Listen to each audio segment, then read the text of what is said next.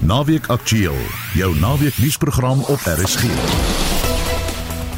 Goeiemiddag. In vandag se program 'n beweerde aanslag op mediavryheid in die soeklig. 'n Vuurvreter gemeenskapsveiligheidsaktivis word aangekla van tuistering nadat sy voor beweerde dwelmhandelaars se huis uitkamp. This follows me going to their house, obviously, to go and get my laptop that my son has stolen and sold to them. They're also known all these years in our community for selling drugs. They buy stuff from our children and then sell them drugs. And I went there and I was camping outside there for quite a couple of days. En so wat 200 Suid-Afrikaanse brandbestryders, soos ons in die nuus gehoor het, is op pad na Kanada om bosbrande te help bestry. Welkom by Naweek Aktueel. Die span in die ateljee is redakteur Marlenae Forsie, produksieregisseur JD Labuskaghni en ek is Marieta Kreer. In 4 Junie se dis opera. Luister ons onder andere na I Vespri Siciliani van Verdi, die verhale van Hofmann van Offenbach, die Barbier van Sevilla van Rossini, Manon Lescaut van Puccini, asook die minder bekende La Joie van Alevi en Gianni di Calais van Donizetti.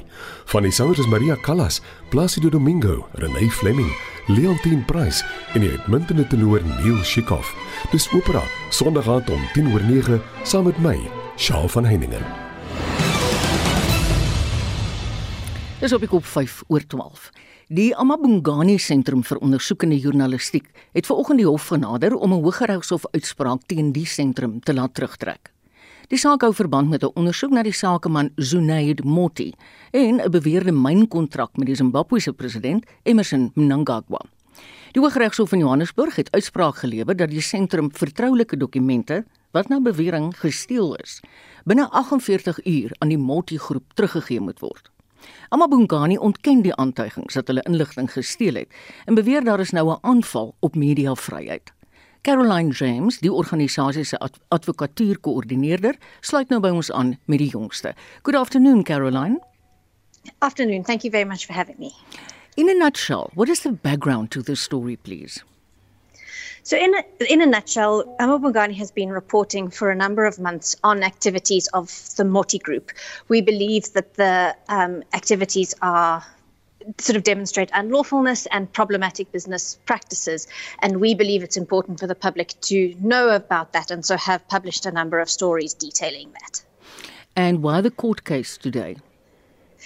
So earlier in this week, the Morty Group obtained an, a secret and sort of one-sided, well, an application brought just by them. We weren't in court when it was granted, so they got an order interdicting us from publishing any further stories on on Zunaid Morty and ordering us to return any documents that we had that had come from a leak from the Morty Group. Uh, and Oscar, we how felt you we f- had to challenge it. Okay, Sorry. right. Sorry, no to interrupt you. How do you feel about that? Well, it, it's it's sort of unprecedented. We we've been saying it's unbelievable that in 2023, under a democratic constitution, that a private body can obtain a secret order against the media, effectively gagging us, publishing mm. stories that we mm. believe are in the public interest, and it's it's deeply concerning. And what does the future hold? So we have been in court this morning, and we believe we're we're really we're pretty close to getting a variation of the settlement, which will permit Amabongani to maintain possession of the documents that we we may have or that we may have access to, and not return them to the Moti Group, and then still give us a, an opportunity to challenge the entire order, which interdicts us from publishing, um, and that. We are hopeful that a resolution will, will come early this afternoon. Good. Good luck with that. Thank you very much. Thanks. Dit was Caroline James, Amabungani se regsverteenwoordiger. Die uitvoerende direkteur van die veldtog vir die vryheid van uitdrukking, Anton Haber, het ook op die saak gereageer. In 'n mediaverklaring spreek hy kommer uit oor die saak. Volgens die veldtog moet die multimaatskappy pa staan vir die aantuigings teen hom en oop kaarte speel met die land se inwoners. Anton sluit nou by ons aan. Good afternoon Anton. Good afternoon. You're very welcome to answer in English. Do you understand Afrikaans? Um, I do, but I would prefer if we could speak in English. Uh, apologies for that. No, that's fine. Why is this case so very important to the public? It's important because it's testing a number of uh, important free speech and free media principles. So uh, let me tell you, it's completely extraordinary, as your previous speaker said, for a for a South African court uh, in this day and age to have given such an order stopping publication and demanding the return of, of leaked documents in an ex parte, in other words, in a secret hearing. Mm. Um, um, it's really that's a throwback to the apartheid era, and it's completely extraordinary. But beyond that, the issue is, you know, they claim these documents were stolen, but the truth is they are leaked documents. And if you start saying that uh, that leaks uh, are made illegal and you have to always return the documents, that's going to stop very many important um, journalism mm-hmm. stories getting out, mm. and uh, it's going to put a stop to that kind of accountability.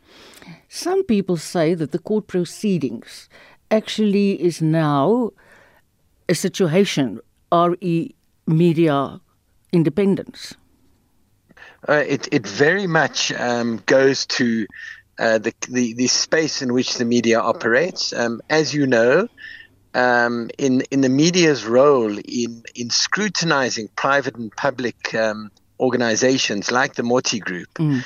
Um, the leaks are an important element of that. Getting documents from from within the organization is an. I want to ask you. You followed to the. Get the and have that. Sorry, yeah. I, we lost you there for a minute. Can you just say your last sentence again, please?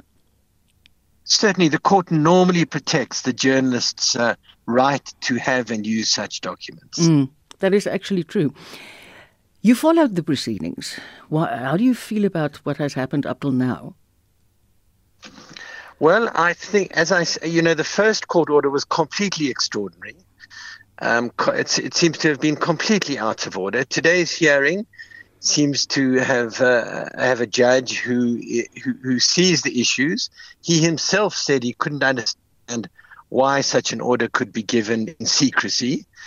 Um, and it looks like he's doing the sensible thing, which he's going to order that the situation remain as it is. In other words, they don't hand over the documents, um, but that uh, there's a full court hearing mm. to hear the Motti Group's application to get the documents back. Caroline sounded a little bit optimistic. Yes, I think from this morning's hearing, there is room for optimism. And based on precedent and our standing law, I can't see that a judge uh, can't overturn this this uh, this ruling.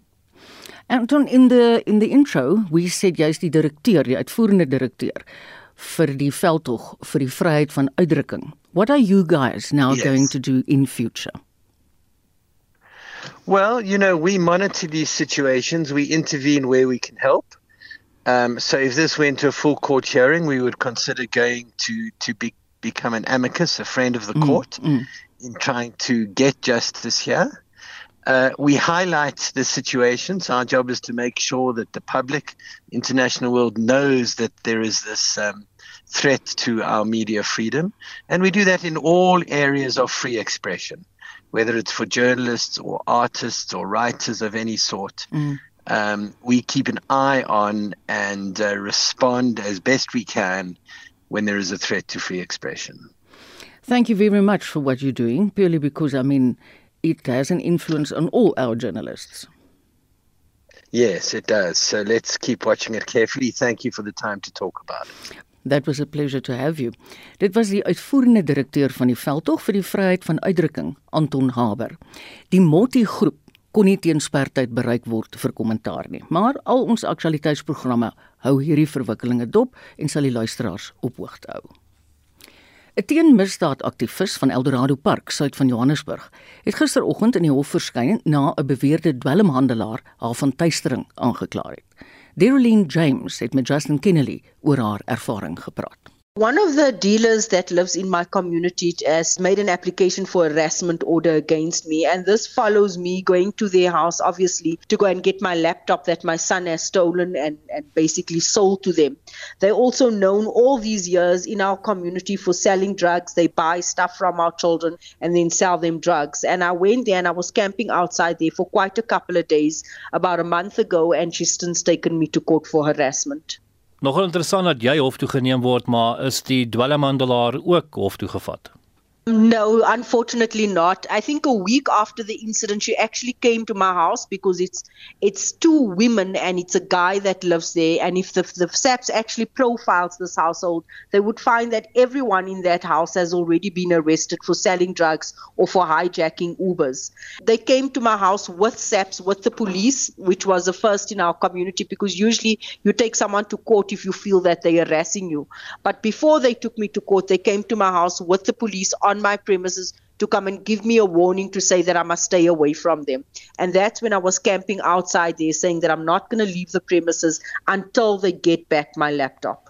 Derelien, dis nogal ernstige aantuigings wat jy maak dat hierdie mense dwelmhandelaars is. Het jy dit al by die polisie gerapporteer en watter reaksie het jy gekry daarop? You know what? I would never put these allegations out into the public domain without being 100% certain. We have reported this house, I think, way back in 2013. The police are aware of them. This is why I said to the police, before you came to my house, at least just go onto the system and profile these people. And you will find that on their ID numbers, you will see that they have been previously arrested, been arrested for dealing in drugs. You would find that they've been arrested for hijacking Ubers. So it's an entire household. Basically, the daughter would buy the stuff from the community, from the, the users, give them the money. They then, in turn, she serves them the drugs. The mother was involved with someone big, um, Kingpin, a couple of years ago, but had passed on, and the family has basically just taken on the business, and the business continues. Wel hierdie gee dan net vir ons 'n klein idee van die probleme waarmee julle is, is dat julle probeer om julle gemeenskap skoon te maak, maar die polisie wil nie saam met julle werk nie. You know what? I think we've highlighted our issues in Eldorado Park more than over the past 10 years. We're always in the media. We're always asking for assistance. We're always trying to work with the police, sending these addresses. It's no secret. People go there, you see it happening daily. But for the life of me, I'm not sure why SAPS is not able to clamp down on the dealers in our community. It's so freely sold. It's like people are buying that, like you're buying a loaf of bread. There's no shame. There's there's nothing that goes to it. But the only thing that happens is us as families, we continue to lose our stuff. Maar watter impak het dit op jou as 'n gemeenskapsaktivis as jy hof toe gevat word hieroor? You know it, it's discouraging for me but we cannot keep quiet. I also sometimes would feel you know like you feel threatened, you feel fearful but for how long must you keep quiet about this? Stem van Derlene James, 'n teenmisdaadaktivis in Eldorado Park, suid van Johannesburg. Sy en die klaar moet op 21 Augustus weer in die hof verskyn.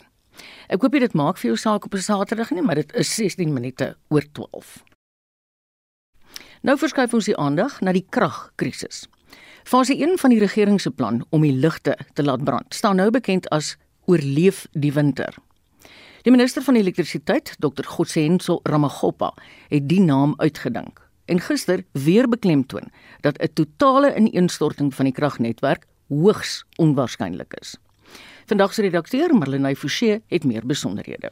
Ramagopa sê hy weet dis onmoontlik om beloftes te maak oor wat die winter inhou, maar hy sê daar word hard gewerk om meer krag by die netwerk te voeg. We're really trying to avert the worst case scenario and approximate conditions of the best case scenario. And of course, we will share with you what is it that we're doing to avert the worst case scenario. Of course, we're talking the period that really started in May. It will continue until about August. So that's the first phase. So I call it surviving winter. Hy sê die kragnetwerk is onder geweldige druk van daardie behoefte om fase 5 en 6 beurtkrag toe te pas, maar dat dit nie beteken die land is op die randjie van die afgrond wat die kragnetwerk betref nie. We do accept that it is inherent in systems of this nature that you can have this catastrophic event, but it's extremely low given the kind of control measures that they exist in ESCOM.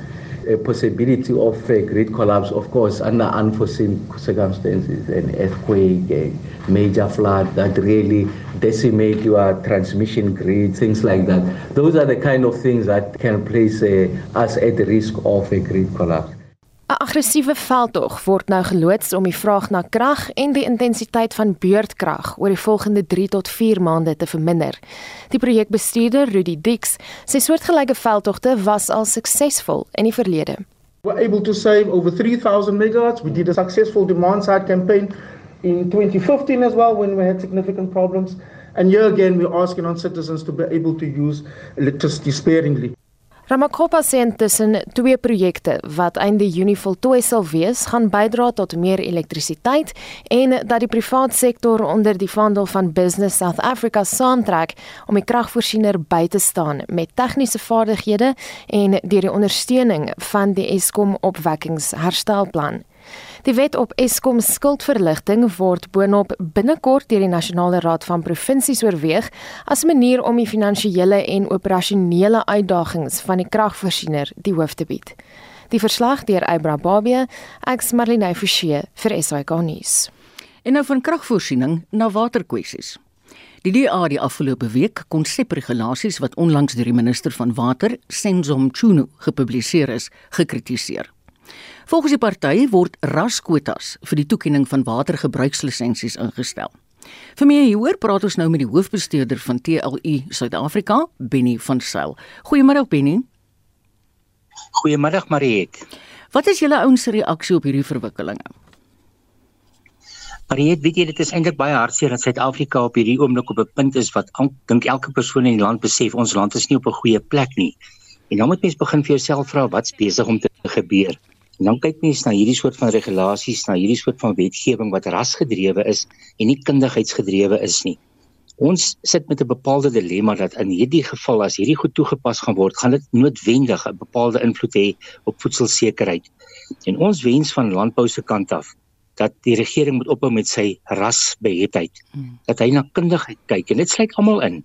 Daar's baie goeie swart boere. Dis nie waaroor dit vir ons gaan nie.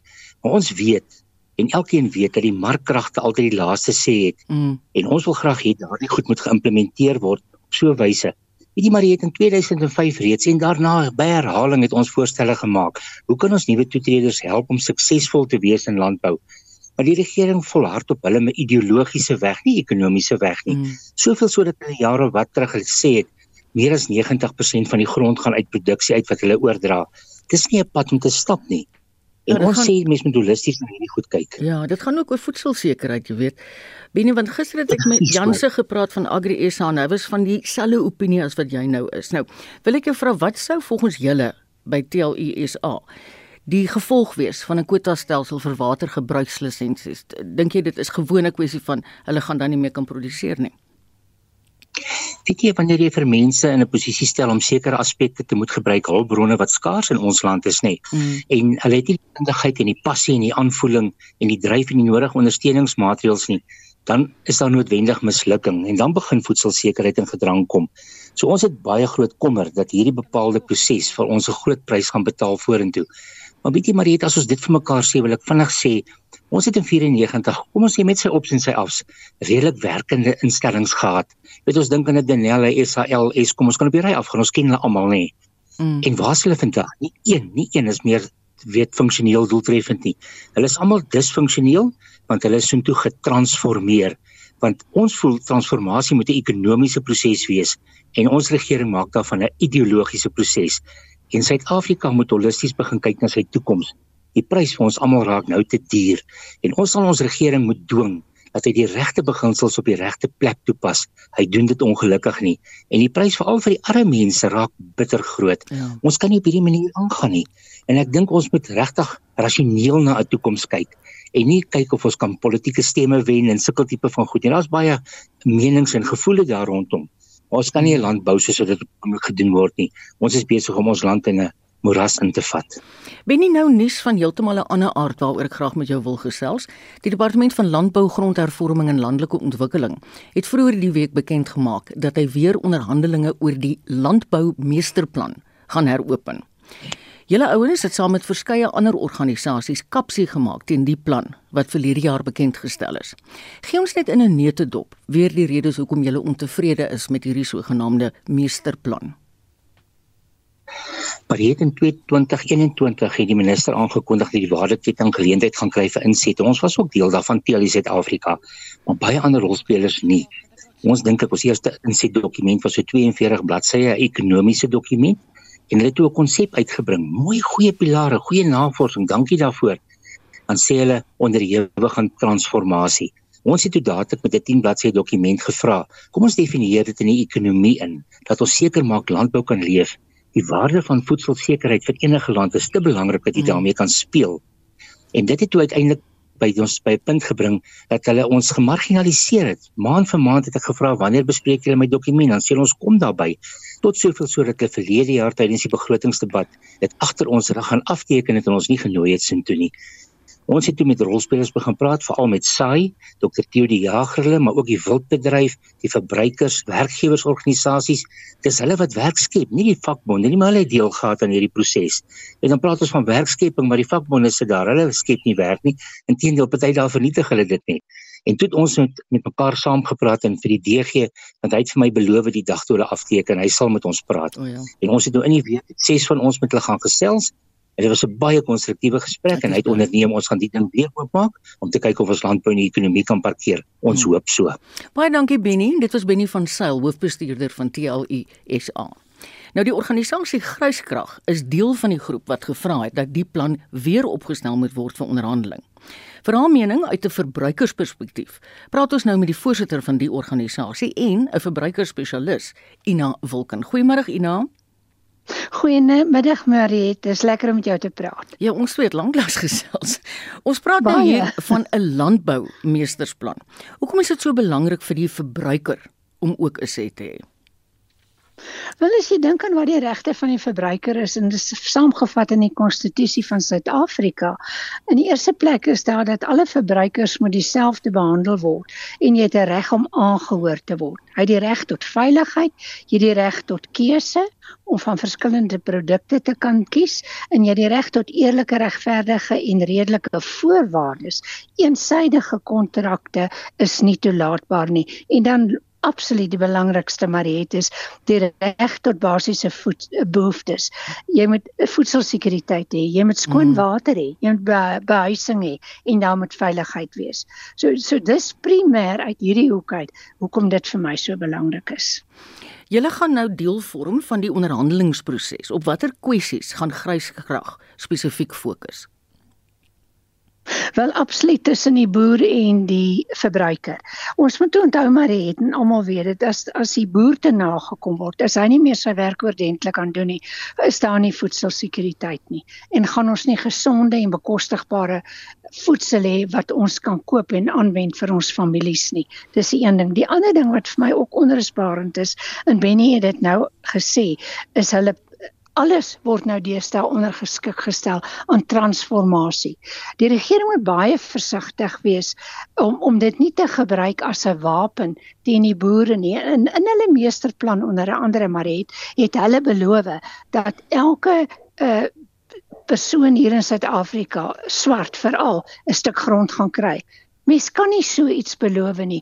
Ons kan nie boere wat al jare werk, dit hulle inkomste, die hulle bedryf is om 'n wins te maak, ja, maar 'n baie klein wins, maar om te sorg dat die regte voedsel by die verbruiker by die man op straat uitkom. Ons kan nie toelaat dat dit te nagekom word tot nadeel van die land nie. En Mariet, as ek net vinnig kan sê, as ons dink wat met Eskom gebeur het, wat met Denel gebeur het, Hoeveel wat kan ek nog alles noem? Alles mm. wat die staat in beheer is wat absoluut jy weet totaal in die grond is. Ons kan dit nie toelaat dat dit met die boer gebeur nie. Want ons is daar vir die boere, die boere is daar vir ons en die verbruiker moet ook geken word in hierdie saak, maar veral moet daar toegespits word op die boer, Transvaalse Landbouunie en al hierdie rolspelers wie nie die kans gehad het om hulle sê te sê nie, maar gelukkig gaan ons nou 'n kans hê. Ja, dit klink vir my dis 'n redelike wye veld van organisasies wat deelneem. Ina baie dankie. Dit was die voorsitter van die organisasie Gryskrag, Ina Wilken. En ons ken vir Ina oor die jare, sy is 'n baie goeie verbruiker spesialis. We have Kom ons gaan aan. Ek dink ons volgende een is Agri Week. Jep. Die Agri Afrika Agri Bedryf en Wetenskapsweek begin nou Maandag in Durban. En dit gaan bygewoon word deur minstens 700 afgevaardigdes uit verskeie lande. Rolspelers in die sektor kom van heinde en verre na Suid-Afrika om beter samewerkingsgeleenthede oor die Afrika vasland te bespreek. Nou Russell Curtis, die bestuurshoof van Invest Durban, het aan Marlenae gesê die konferensie word beskou as een van die belangrikste geleenthede op die Afrika Unie se dagboek.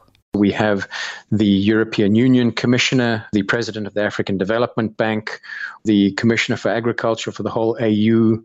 We have the Director General of the World Trade Organization and agriculture ministers and finance ministers from a dozen different countries to come. Aim is to bring latest research and development in agricultural sciences and match that together with agri-processing and industry to commercialize and address all of the agricultural issues for the entire continent. Deelnemers het verskeie doelwitte in gemeen. Onder meer 'n veerkragtige landbousektor in Afrika wat klimaatsverandering en die verlies van biodiversiteit betref, om risiko's in vervaardigingsketTINGS te verminder en om munt te slaan uit die vrye handel ooreenkomste op die vasteland. The continent faces a strange situation where we have the largest amount of agricultural land in the entire world, and yet our continent is a net food importer.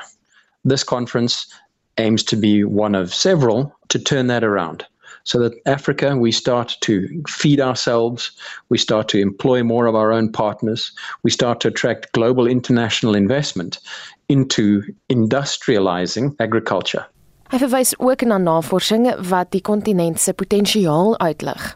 KPMG and Afreximbank conducted a report and say the opportunity for business and investment is in excess of 100 billion US dollars per annum into common area agro-processing parks. Our aim is to connect the entire value chain from the small scale farmers right the way through to the big multinational processors and buyers of food and beverage. Die konferensie vind plaas te midde van kwessies soos grondhervorming, voorstelle van waterkwotas in die landbousektor en argumente dat die huidige beleide beleggingsonvriendelik is. Intussen sê Curtis moet Suid-Afrika wat as 'n agri-reus op die kontinent beskou word, nie sig verloor van ander verwikkelinge nie. We have to fight for perspective.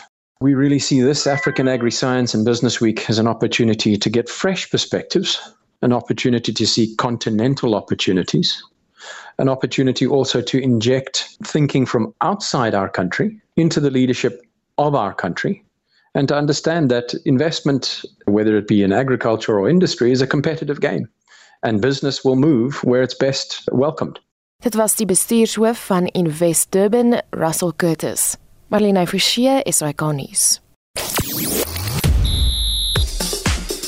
Die jongste sportnuus sluit Jody Hendriks nou by ons aan. Goeiemiddag, ek begin met sokker en die groot wedstryd in Engeland om 4uur is die FA beker eindstryd tussen Manchester United en albure Manchester City. Beide spanne gaan poog om hul tweede trofee van die seisoen te lig. City het reeds in die Engelse Premier League koning gekraai en United het vroeër die seisoen die Carabao beker verower. Nou die twee spanne het al 165 keer teen mekaar gespeel waarvan United 65 keer en City 52 keer aan die wenkant was. 48 wedstryde het gelykop geëindig en dit sal slegs die derde keer wees dat die twee spanne in die FA beker teen mekaar te staan kom. Nou 'n groot terugslag vir United verhoor die week met hul sterspeler Anthony Martial wat die wedstryd weens 'n duispierbesering gaan misloop. City se afrigter Pep Guardiola het egter bevestig dat die doelwagter Stefan Ortega Montero vanmiddag in die palle vir sy span sal wees.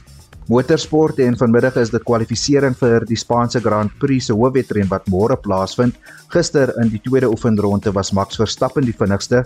Hy was voor Fernando Alonso en Nico Hulkenberg. Dan in netbalnuus, die nasionale netballiga is tans in Pretoria aan die gang en Jana Swart hou die aksie daar vir ons dop. Dis dag 2 van die tweede reeks aksie hier by die Hartveld Arena in Pretoria. Die eerste dag van die kompetisie het alreeds onverwagte opwindende uitslae gelewer. Die twee kragmetings vanuit afdeling 1 wat gisterond plaasgevind het, was die tussen die Jaguars en die Allows. Voorby die Jaguars die vroue van die Oos-Kaap 53 doele teen 30 doele geklop het. Hul doelverdediger, Jamie van Wyk, was aangewys as die speler van die wedstryd met haar eerste klas prestasie om die opponente uit hulle doelgebied te hou. 'n toegewyde geveg van die Southern Stings was ongelukkig nie genoeg om die sege te behaal in hulle stryd teen die Crinums nie. Die Crinums het die wedstryd 47-44 gewen. Dit was nie moeilik om die jong verdediger Carla Victor as speler van die wedstryd aan te wys met haar uitmuntende prestasie in die doelgebied. Spelers wat deel was van hierdie ontmoeting vanuit die 2023 Netbal Wêreldbeker groep was onder andere Nicolas Smit, Nicole Taljaard, Lefebvre Rademan en Owethu Ngubane. Vanoggend se uitslae van uit afdeling 2 behels die van die kragmeting tussen die Diamonds en die Sunbirds, waarby die Sunbirds met 23 doele verskil geseëvier het. Tans is die Kingdom Stars en die Flames in aksie. 2022 kampioene, die Golden Fireballs, sal die Crinums om 2 uur die stryd aansê. Om 4 uur vind die wedstryd tussen die Biobubs en die Comets plaas en die dag sal afeindig met 'n stryd vanuit afdeling 1. Die tussen die Jaguars en die Southern Stings om 6 uur. Ek is Jana Swart vir RSG Sport. Baie dankie Jana. Nou rugby nuus in die Karibebeker vanmiddag om 5uur speel die Pumas in 'n tuiswedstryd teen die Cheetahs. Rowan Pinaar begin op loskakel vir die besoekers in die kragmeting en dan net na 7 vanaand pak die Haie en Lions mekaar in Durban. Die Springbok Appelile Fassie begin op linkervleuel vir die Haie en die voormalige Blitsbok JC Pretorius gaan op flanke vir die Lions uitdraf. Gister het Griquas die Weselike provinsie 38-29 geklop. Na die nederlaag is die WP nou 6de op die Karibebeker punteleer met 32 punte. Een plek bo hulle is Griquas in die 5de plek. En dan in die Bulle en Griffin se kragmeting was dit 'n 3 fees, maar die Bulle wat uiteindelik 64-33 geseëvier het in 'n wedstryd wat lank weens 'n kragonderbreking nie kon plaasvind nie. Die spelers moes laat in die eerste helfte die veld verlaat en kon eers na byna 2 ure weer die wedstryd hervat. Na die sege is die Bulls nou 4de op die Karibebeker punteleer met 36 punte en het nog 'n kans om vir die uitspelwedstryde te kwalifiseer. Tennisnuus, dit is dag 7 van die Franse Ope en Pieter van der Berg hou die aksie vir ons dop. Ja, baie dankie Jody. Dit is natuurlik soos jy sê dag 7 24 grade vandag. Dis wat verwag word. So bietjie koeler as gister, so 28 grade en die wind is so bietjie sterker 16 km/h. Maar die eerste wedstryd het reeds om 11 uur begin en uh, daar is uh, reeds 'n uitslag in in die gemengde dubbelspel. Dit is uh, die twee Franse, Lekimia en Olivetti wat uh, daar pak kry. Dit uh, Keito van Japan en uh Poets van Duitsland is wat hulle klop met 6-4 en 6-4 en dis 'n tweede ronde wedstryd in die gemengde dubbelspel. Nou uh, daar is nog 'n uitslag en ek dink dit is nie baie goeie nuus vir tennis nie. Elena Rybakina, onthou sy was die kampioen in Australië vroeër vanjaar, die enkelspel kampioen, haar eerste sogenaamde major wat sy dan gewen het en uh, of Grand Slam eerder en uh, sy het onttrek van haar wedstryd wat om kwart voor 12 moes begin teen Soares Tomo van ehm um, Spanje. Ja, dit is Sarah. Soares Tomo wat dan deur is na die volgende ronde, dis die 4de ronde, want is vandag nog derde ronde wedstryde in die enkelspel. En uh, die rede ek is baie bekommerd, ons het nog nie die amptelike rede gekry nie, maar sy het gister uh, of eergister in haar nuuskonferensie het sy gesê nadat sy 'n vraag gekry het van een van die uh, media mense, een van die persmense van die Oekra Oekraïne dat sy voel onveilig en dit natuurlik gegaan oor die oorlog, 'n direkte vraag hoekom sy nie die oorlog dan meer uh, vir die probleme nie en uh, sy uh, wou nie daarop antwoord nie. Nou kom ons vertrou dat dit uh, nie in die toekoms verder haar gaan raak wat haar tennis aan betref nie, maar die vierde gekeerde Elena Rybakina dan uitgeskakel uit 'n vanjaar se toernooi. Kom ons kyk na die wedstryd wat op die oomblik aan die gang is. Casper Ruud, hy speel teen Zhang in 'n Ruud het die eerste stel verloor 4-6. Die wedstryd reeds 'n uur en 'n half aan die gang en dis Casper Ruud wat 5-4 voor is in die tweede stel maar Zhang sly uh, slaan af om dit dan daar gelyk op te maak. As ons net so vinnig loer na die statistieke daar is dit uh, wat die afslaande aan betref Zang wat uh, nie minder nie as 4 kushoue al geslaan het. En ek sien Casper Ruud het so pas sy nou geslaan so dis 4 elk daar. Maar 72% van sy eerste afslaande is dit Zang wat sy punte wen teenoor net die 65% van ehm um, die man aan die ander kant wat teen hom speel. En dis Casper Ruud die vierde gekeerde van die ander wedstryde wat op die oomblik aan die gang is, is Seyboth Wild van Brasilië. Hy speel in die enkelspel teen Nishikori en uh, dit is uh, Seyboth Wild wat die eerste stel wen 6-3 en hy 6-5 voor in daardie tweede stel. Uh, daar is 'n hele paar dubbelspelwedstryde. Ons sien onder meer dat die eersgekeerde uh groep uh, in die mans dubbelspel, dis 'n uh, Koolhof van in Nederland en Skopski van Groot-Brittanje. Hulle het die eerste stel gewen teen Nogorosev en Riga Verrera en die telling daar 7-5 en die telling in die tweede stel is 4-11. Van die wedstryde wat later vandag voorlê, ons moet ook daarna kyk. Interessante wedstryde wat nog wag op ons. Dit is ehm um, Rune die 60 keerde hy gaan speel teen Oliveri dan Iga Swiatek die eerste gekeerde wat teen Wang op die veld op die baan gaan stap en ook Coco Gauff die 60 gekeerde wat later haar staal sal toon as ook ons Jabeur. Interessante wat tennis wat voor lê. Ons gesels weer vanmiddag om grond van 04:30 in RSG Sport met Jody, maar Jody daarmee is terug na jou in die ateljee in Johannesburg. En dit was dan Pieter van der Berg met 'n opsomming oor dag 7 by die Franse Ope in Parys en hy gaan nog deurlopend in die toernooi weer op RSG verslag doen. Jody Hendriks vir RSG Sport.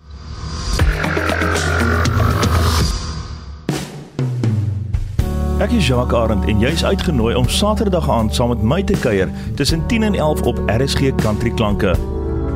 So lay down beside me Your sweet lips A little closer to the phone Onthou, ons Country Klanke afspraak Saterdag aand tussen 10 en 11 net hier op RSG vanuit die baai. Love a butterfly as soft and gentle as a sigh The multicolored moods of love like it's satin Naweek Aktueel, jou naweek nuusprogram op RSG. Hier kom 'n baie interessante vraag in vandag se motorrubriek. Hoe vinnig moet 'n mens op 'n sinkplaatpad ry? Wessel Pretorius bespreek hierdie kwessie in sy weeklikse motorrubriek.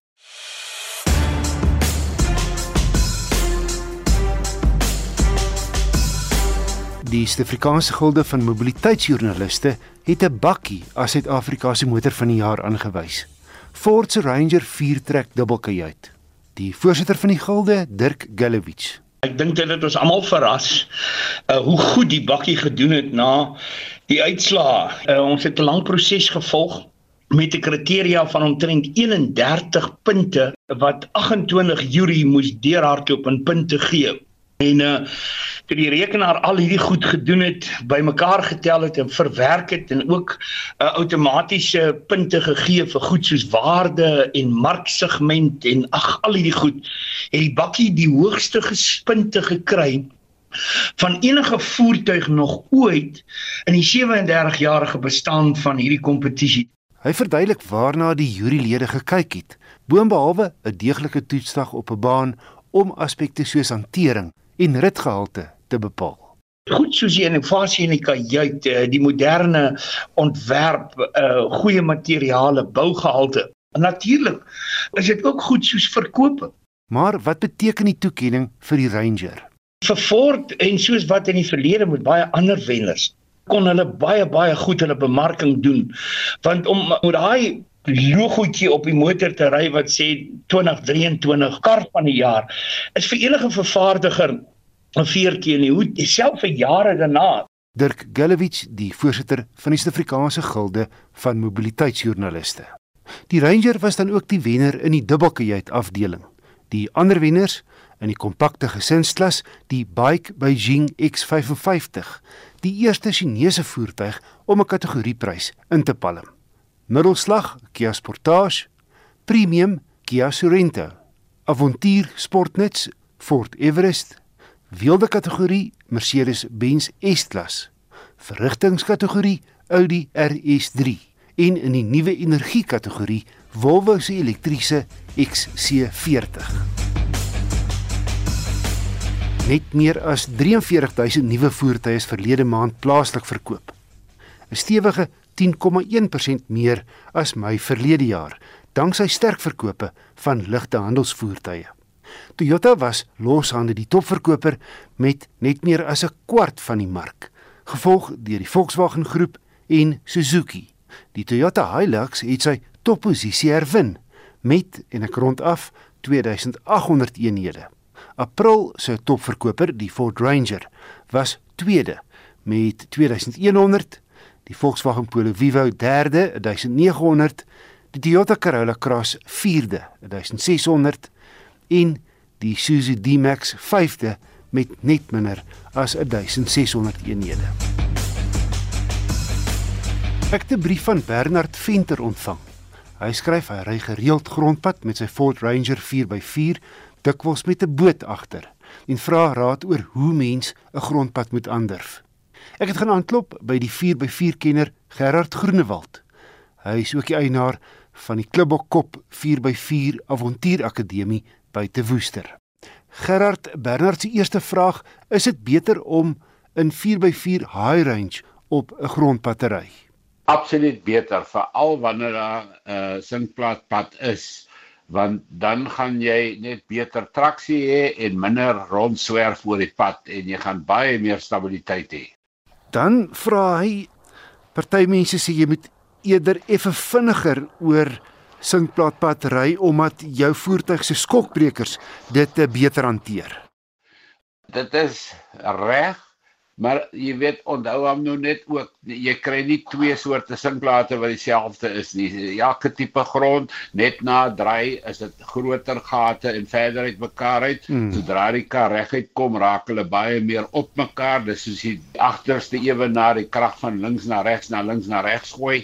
Daar is 'n gelukkige stukkie spoed waar hy op sy beste is, maar ek dink die een ding wat ons hier mis is banddruk ons sê altyd in opleiding, jy weet 20 tot 30% minder banddruk as gewone paddruk wanneer jy grondpaaie ry en veral wanneer jy ver grondpaaie ry wat is dit die moeite werd om baie bietjie af te blaas want onthou die gewig van die voertuig en alles word deur die lug binne in die band gedra en sodra jy daai lug verminder het jy baie meer absorberende kragte en hy raak ook soos 'n skokbreker die band self. Ek sien. Gerard, ou moet natuurlik maar versigtig wees om draai en nie op 'n sinkplaat pad want dinge kan skeefloop as jy te vinnig ry. Absoluut en veral as jy iets sleep, dan is dit veral baie gevaarlik want daai sinkplaat vat mos nou traksie weg en jou voertuig een van die wiele raak so half in die lug. En dis hoekom 4x4 so belangrik is want dan help jou voorkop jou uittrek en die draai uit en jou agtergat hoef nie net te stoot nie. Gerard dan uh, vra Bernard oor sy boot. Hy skryf uh, my bootsleepwa het nie skokbrekers nie, net vere. Moet ek doodstadig ry of steeds teen 'n gemiddelde spoed om die riffels die beste te hanteer sodat die boot op die sleepwa nie beskadig word nie? Ek gaan weer een sê banddruk moet so sag as moontlik wees, 20 tot 30% onder gewone druk hoekom ek heeltyd van persentasie praat en nie 'n getal gee nie is ek weet nie hoe swaar die boot is nie ek weet nie watter profiel bande hy op het en sulke goed nie maar persentasie gewys 20 tot 30% sagter dit gaan klaar die rit verbeter jy vra oor die spoed weer eens daai gelukkige medium waar jy die beste vaar, bly die beste, maar soms help dit ook om 'n bietjie gewig op die boot te sit. Party manne maak die petrol by die huis vol om 'n bietjie meer gewig te kry, laat hy minder op. Daai vere werk baie hard op so 'n pad, so mense moet maar die gelukkige medium kry daarso. So antwoord die viertrekkenner Gerard Groenewald. Moedernavraag kan aan my ge-e-pos word. Stuur na wissel by rsg.co.za. Toe oordeel aan wat Gerard nou gesê het toe ek op die plaas gebly by Setlagoli. Het vriende kom kuier en hulle sleep toe 'n ventertjie. En toe op die plaas aanland te sê hoe was julle rit gewees? Nee, sê hulle op die pad hier na julle toe toe ons nou eers van die teer af is, was die ventertjie knaand voor ons. Ons moes hom heeltyd terugklap dat hy net na agter die kar kan bly. So wat 200 brandbestryders van Suid-Afrika vertrek oor net meer as 'n halfuur na Kanada om bosbrande in Alberta te help bestry. Die Kanadese regering het die noodversoek aan Working on Fire gerig. En ons praat nou met die woordvoerder van Working on Fire, Linton Rensburg. Linton, jou lyf is seker al vet gesmeer om op te klim. Ah ja, ek dink die die die die gees is is is baie goed en uh groot opgewondenheid onder ons brandbestryders. Hoe erg is die brande op die oomblik daar aan die kant? Want ek weet julle het al in die verlede hulle ook gaan help. Wel, hierdie is die vyfde keer waar wat wat waarheen wanneer ons Kanada toe is.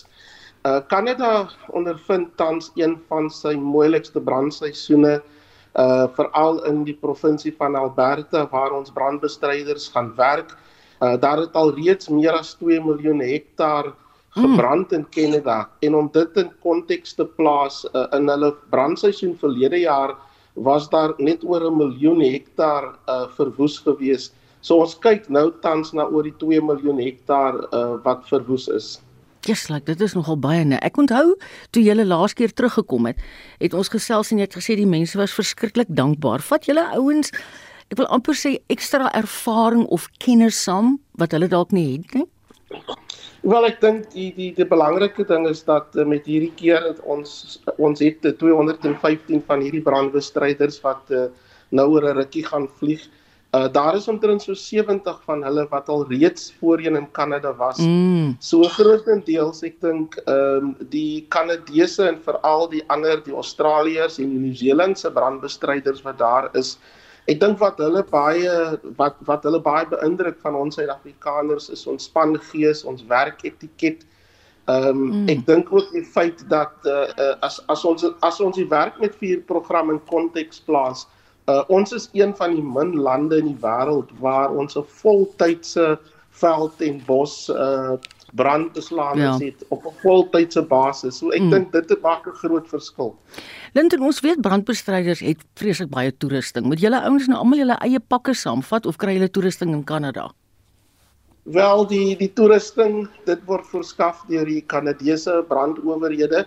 So ehm, wat 'n groot verskil tussen Suid-Afrika of of ons brande in Suid-Afrika uh in Kanada word hulle bosbrande grootendeels uh maak hulle gebruik van waterpompe en watertenke en baie interessant dat hierdie waterpype dis kilometers en kilometers se waterpype wat afgerol word in die verskillende brandgevaar areas. Ehm um, ons brandbestryders uh, is opgelei in in die gebruik van hierdie waterpompe en ons het die afgelope 3 dae in Bombela uh, by die Kushugu uh, Training Academy het ons net weer ons uh, brandbestryders mm. uh, weer weer uh, verfrisser kursusse uh, aangebied. Dis baie slim. Linton veilig reis en ons hoop julle bly veilig aan daai kant. Dit was Linton Rensburg, die woordvoerder van Working on Fire. Die maatskaplike werkskepingsfonds sê hy word oorval deur aansoeke vir die nuwe ronde befondsing wat nou beskikbaar is. Die fonds is deel van die presidensiële stimuluspakket wat in Oktober 2022 deur president Cyril Ramaphosa bekend gestel is om die impak van COVID-19 op die ekonomie teen te werk. Die program het reeds 65000 deeltydse werksgeleenthede geskep. Meer as 20 organisasies landwyd het deur middel van die Nywerheidsontwikkelingskorporasie befondsing ontvang. Justin Kennedy het meer. Die Nywerheidsontwikkelingskorporasie wat die fonds van 800 miljoen rand administreer, sê die vraag na befondsing is groot. Die korporasie het reeds meer as 200 aansoeke vir die nuwe ronde befondsing ontvang, maar hy kan slegs 35 projekte geldelik steun. Aansoekers sluit gemeenskapsontwikkelingsorganisasies asook nie-regeringsorganisasies in. Rolspelers sê dit bewys dat die fonds eerder in 'n beleid omskep moet word weens die groot behoefte aan werksgeleenthede. Kate Phillips is van die presidentsiële arbeidsstimulus. I think what we've seen in this inception period, if you like, over the last two years is the enormous potential of this approach. In fact, the number of applicants who qualified for the fund in its very first round of applications could have created 300,000 jobs instead of the 50,000 that were funded. I think what we have here is a really strong proof of concept for an approach that we can take to greater scale to address the challenge of unemployment at community level in communities where it's felt the most. Die doel van die maatskaplike werkskepingsfonds was aanvanklik om werk in verskeie sektore, waaronder onderwys, landbou en infrastruktuurontwikkeling te skep. Volgens Bavanesh Pardu van die ontwikkelingskorporasie het die fonds 'n sigbare verskil in baie gemeenskappe gemaak. Via the CEF, we've been able to create 50,000 temporary work opportunities for individuals throughout the country. And in this way, we are contributing to a massive issue that this, uh, you know, that our economy faces. The second part that we are looking at beyond employment, we have a raft of wicked problems within society, whether it's health, gender-based violence, access to nutrition, education. So how does one find innovative ways of solving these problems and getting community members to solve these themselves? Maar mense wat reeds voordeel getrek het uit die fonds sê hulle projekte is nog nie volhoubaar nie. Hulle wil weer oorweeg word vir befondsing in die nuwe finansiële jaar. Temba Changana van die Outreach Foundation was een van die begunstigdes. So when we started here this wasn't as if space to work around because most of the time you could come here and the kids were getting robbed outside the theaters and all that. So we have opened projects for them whereby they feel safe now. From school, they come straight here. We've got transport that collects them. So it's much safer for them. I think there's no doubt that there's a need for a project like the Social Employment Fund to continue. Our organization currently employs 2,622 women as part of the Social Employment Fund, but the reach that these women have been able to have is over 25,000 survivors of gender based violence that have been assisted in the last 11 months. Participants are coming four or five times a week. So then that money is actually getting bigger and bigger. So they're able to actually take something home and they're able to support their families with that money. Aansoeke vir die huidige ronde van befondsing het reeds gesluit en dit sal nou deur die parlement oorweeg word. Die verslag van Katlego Logadi van die ekonomiese redaksie en ek is Justin Kennerly. Die voormalige Suid-Afrikaanse nasionale swemmer en omgewingsbewaarder, Sarah Ferguson, gaan die eerste oopwater swembyeenkoms aan die Durbanse strandfront hou sedert die uitbreking van die COVID-19 pandemie. Die byeenkoms vind volgende naweek op Wêreldoseane Dag plaas en dien as bewusmakingsgeleentheid oor die beskerming van die oseaan teen plastiek en ander besoedeling. Dit volg op 'n chemikalieëstorting tydens die Julie 2021 onrus in KwaZulu-Natal, asook rioolbesoedeling na verlede jaar se oorstromings. Dries Liebenberg berig. Openbare toegang tot Durban se strande is sedert die uitbreking van COVID-19 in 2020 aan bande gelê. Die jaar daarna het giftige chemikalieë by Umhlanga in die see gevloei weens die onrus. En verlede jaar se vloede het ernstige rioolbesoedeling veroorsaak. Die stigter van Breathe Conservation, Sarah Ferguson, sê dis die eerste keer sedert 2020 dat 'n byeenkoms soos die op Wêreldoseane Dag in Durban gehou kan word. But also really drives home why we need to do these events and why we need to start protecting our ocean and and individuals need to take ownership of that as well as you know municipalities and councils and and things like that it's all together we can make a difference and make sure that we keep our oceans clean from pollution, from overfishing. We all can do our bit by choosing to buy sustainable fishing or choosing to not buy disposable plastic, choosing to support causes that are doing their bit to try and protect our ocean. Ferguson gebruik haar swemvernig sedert 2019 om die kollig op omgewingsbewaring te plaas. Toe sy die eerste persoon geword het om reg rondom Chili se Paaseiland te swem. I love spending time in the water and doing those long distance swims where I can just kind of switch off and having those possible encounters with different marine animals is really special. So it is one of my happiest spaces when the water's warmer normally. I am looking forward to just being back doing what I love. Ferguson hoop die Durbanse swembyeenkoms sal mense se liefde vir die see weer laat vlam vat. Die byeenkoms se reëlings is ook daarop gemik om mense te wys wat hulle kan doen om sonder nie herwinbare plastiek klaar te kom. We're not going to be selling any coffee in disposable cups. We're not going to have bottled water for sale. We're giving all our swimmers a reusable glass bottle from Consul, which is Arda Packaging. They're the sponsors of the swim. And we'll have water fountains where people can fill up their bottles. So that's really just showing swimmers and athletes how they can then take that forward into their day to day lives. And we're hoping that it will just be an a demonstration of how easy it is. You know, you don't need to take a disposable cup, just take your own cup. Ferguson sê die geld wat met die swembyeenkoms ingesamel word, gaan gebruik word om twee ander internasionale bewaringsgeleenthede later die jaar in Durban te vier.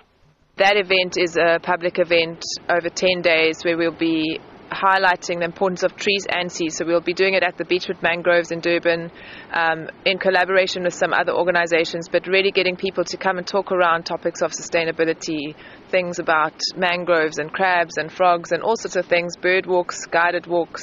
And we're very excited about that. We're also going to be working with EnviroFixes where they plant trees. Ferguson sê swemmers kan tussen items oor vier afstande kies wat wissel van 800 meter vir nuwelinge in oopwater swem tot 5 km vir ervare swemmers. Ek is Dries Liebenberg in Durban. Luisteraars sal 'n fout maak as hulle dink aktualiteitsprogramme bring net slegte nuus.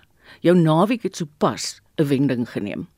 Want Eskom het aangekondig dat beurtkrag vir die res van die dag opgeskort is weens 'n verbetering in die opwekkingskapasiteit. Moenie sê ons bring net vir julle slegte nuus nie. Dit was 'n plesier om die laaste uur in jou geselskap kuier. Ek hoop jy kan dieselfde sê. Ek gaan nou groet namens ons uitvoerende regisseur Nicoline de Wee. Die span hier so in die ateljee vandag, die redakteur Marlenae Forsie, produksieregisseur JD Labuskaghni. Ek is Marieta Kreer en as ek iets mag sê van my kant af, Anita Visser is die laaste 2 weke baie siek en ons het ek het vir haar ingestaan, maar ons almal hier op die hele redaksie sê vir haar baie sterkte, ons hoop eerlikwaar. Sy word gou gesond en voel weer perdfris om uit te saai. En wat die luisteraars betref, geniet jou hele naweek in die geselskap van RSG. Totsiens.